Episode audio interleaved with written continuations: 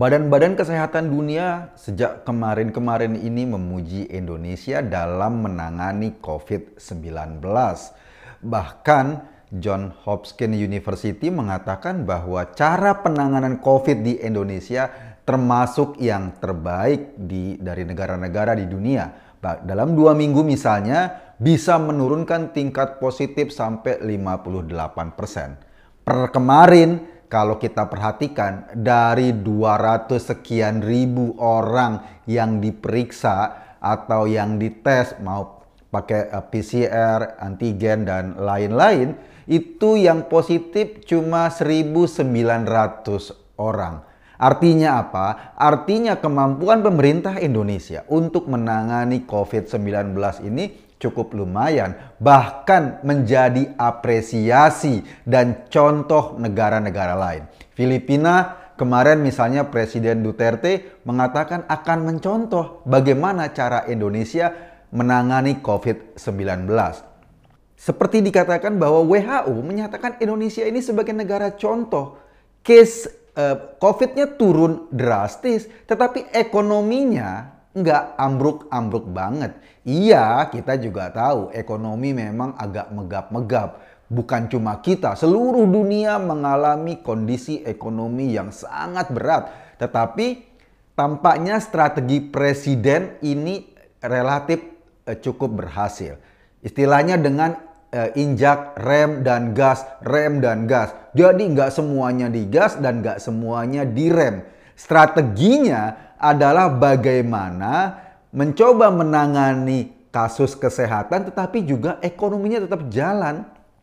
Misalnya ya, sekarang kan kita kenal dengan istilah PPKM, dilanjutkan dengan pembuatan skala 1 sampai 4 nanti dievaluasi. Kalau masih skala 4 PPKM-nya sangat ketat. Nanti kalau udah turun jadi 3, jadi 2, jadi 1 sudah mulai dilonggarkan. Jakarta misalnya sekarang sudah merasakan mulai agak macet tuh kondisi jalanan. Artinya orang mulai bergerak, orang mulai kembali beraktivitas normal.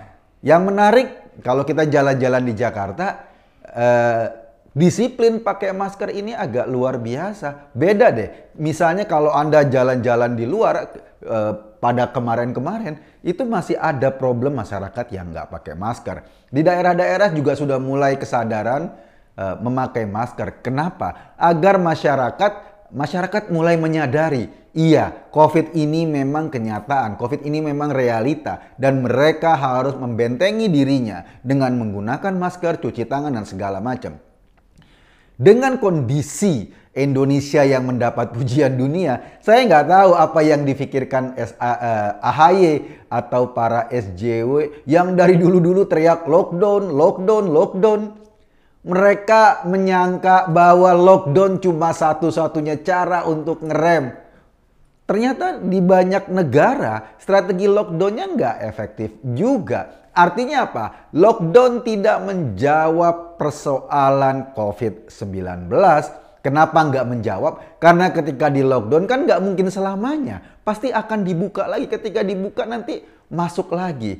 Jadi strategi ekstrim-ekstriman yang satu ekstrim lockdown semuanya dikunci, satu lagi ekstrim herd immunity dibebaskan saja, nanti juga terbentuk uh, imunitas uh, apa namanya komunal uh, ini juga nggak efektif. Jadi strategi uh, injak gas dan rem itu yang penting atau patut diapresiasi. Wajar sih kalau AHY memang kritiknya sering ngaco. Ya dia kan cuma modal kritik saja untuk meningkatkan elektabilitas partainya. Dia nggak memikirkan secara global bagaimana antara kesehatan dan ekonomi bisa jalan beriringan. Jadi kita nggak bisa pakai strategi yang ekstrim-ekstriman. Wong keduanya harus berjalan berimbang. Ekonomi harus berjalan seimbang, kesehatan harus berjalan seimbang. Kita harus menyadari bahwa Indonesia kan ini negara demokratis ya. Masyarakatnya bisa berasumsi atau bisa berpendapat beda-beda. Sampai sekarang masih ada orang yang nggak percaya pada vaksin. Sampai sekarang masih ada orang yang nggak percaya pada COVID-19. Tapi lama-kelamaan mereka sadar, mereka tahu bahwa ini kondisi nyata loh. Nggak bisa mereka menutup mata dari kenyataan ini. Apalagi pada gelombang kedua kemarin ketika varian Delta melanda Indonesia kan tingkat apa hunian rumah sakitnya luar biasa meningkat. Tingkat kematian juga tinggi. Sementara di kita kemarin-kemarin banyak demo yang protes soal COVID, yang ini, yang itu. Ada tokonya yang nama Jering, ada dan lain-lain. It, itu ternyata sekarang makin lama makin eh, sadar masyarakat. Pelan-pelan diberikan pemahaman oleh pemerintah Indonesia. Beda misalnya dengan di Australia atau di Eropa. Sampai sekarang masih aja mereka demo tidak mau dibatasi kebebasannya, tidak mau mereka diam di rumah atau tidak mau pakai masker. Akibatnya apa? Akibatnya mungkin saja akan ada lagi gelombang-gelombang berikutnya dengan masyarakat yang nggak tertib, dengan masyarakat yang nggak disiplin. Iya, saat ini kita alhamdulillah sudah mulai menurun tingkat positif kita, sudah eh, apa eh, rumah sakit juga sudah mulai agak lenggang kita bersyukur, tetapi harus tetap diingat bahwa ada varian-varian baru dari COVID ini yang juga membahayakan. Itu yang pertama. Di di Ekuador atau di Amerika Latin ini sekarang sedang berkembang yang disebut dengan varian Mu.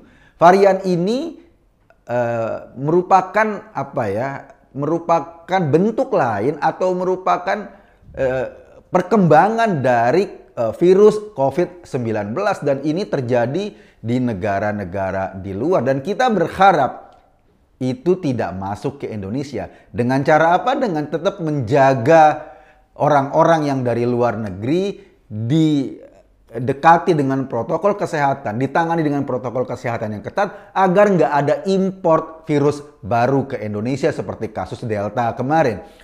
Yang kedua, Kata Pak Luhut kemarin, jangan kaget juga kalau ke depan nanti ada grafik yang meningkat. Bukan karena pasiennya meningkat, tetapi karena data. Jadi dari kemarin-kemarin, kan pemerintah terus-menerus melakukan pemberesan bagaimana data ini diberesin. Data COVID dari daerah masuk ke pusat itu sering kali terhambat.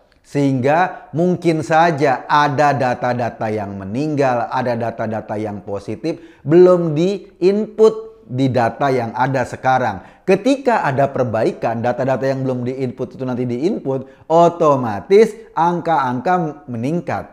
Tetapi yang meningkat ini bukannya pasien real, tetapi angka-angka yang meningkat. Itu yang diperingatkan oleh Pak Luhut eh, kemarin.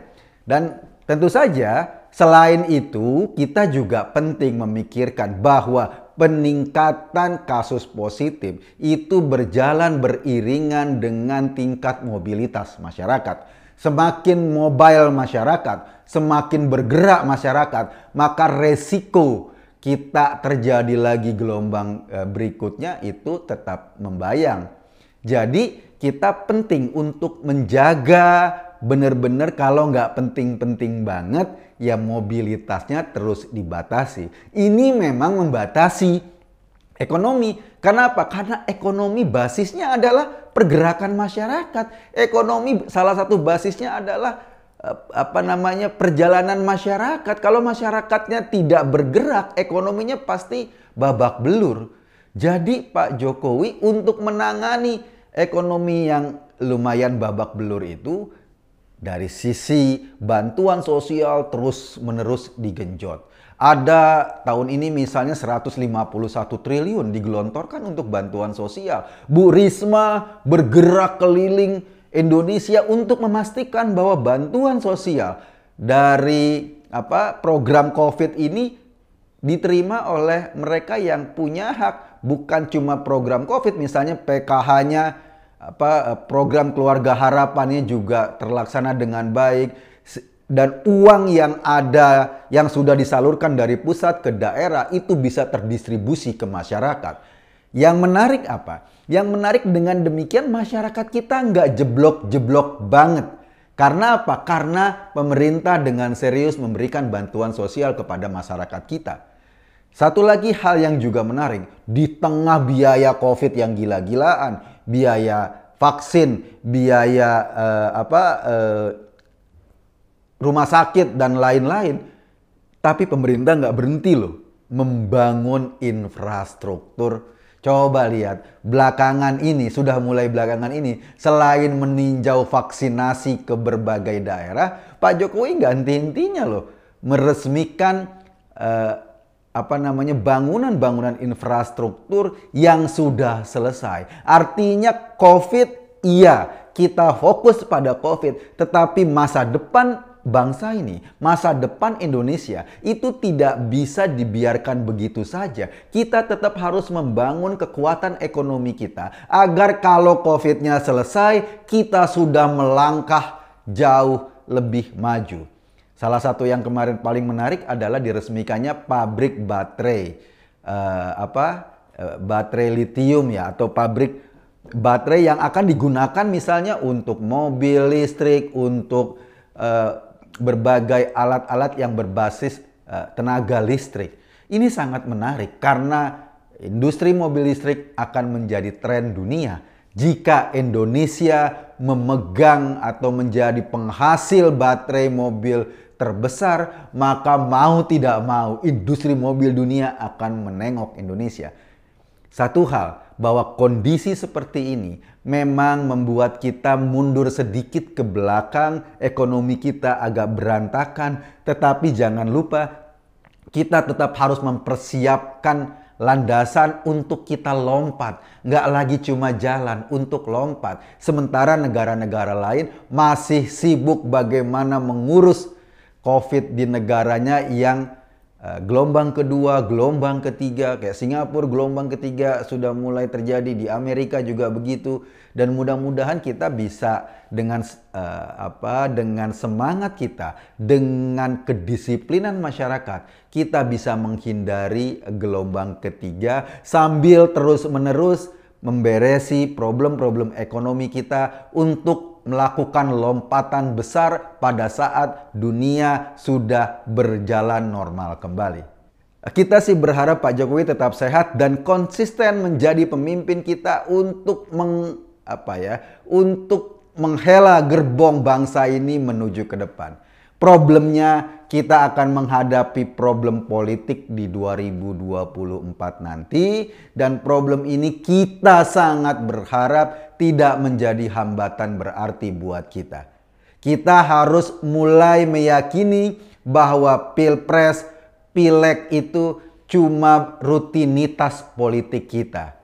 Mestinya soal-soal agama, soal-soal ideologi udah selesai sekarang Jangan lagi itu menjadi kendala kita sehingga bangsa ini setback ke belakang. Dan kita yakin nanti orang yang menggantikan Pak Jokowi adalah orang-orang terpilih yang mampu melanjutkan apa yang sudah dibangun oleh Presiden Indonesia yang sekarang. Saya Eko tadi hanya mengajak Anda berpikir. Kesimpulannya terserah Anda. Terima kasih.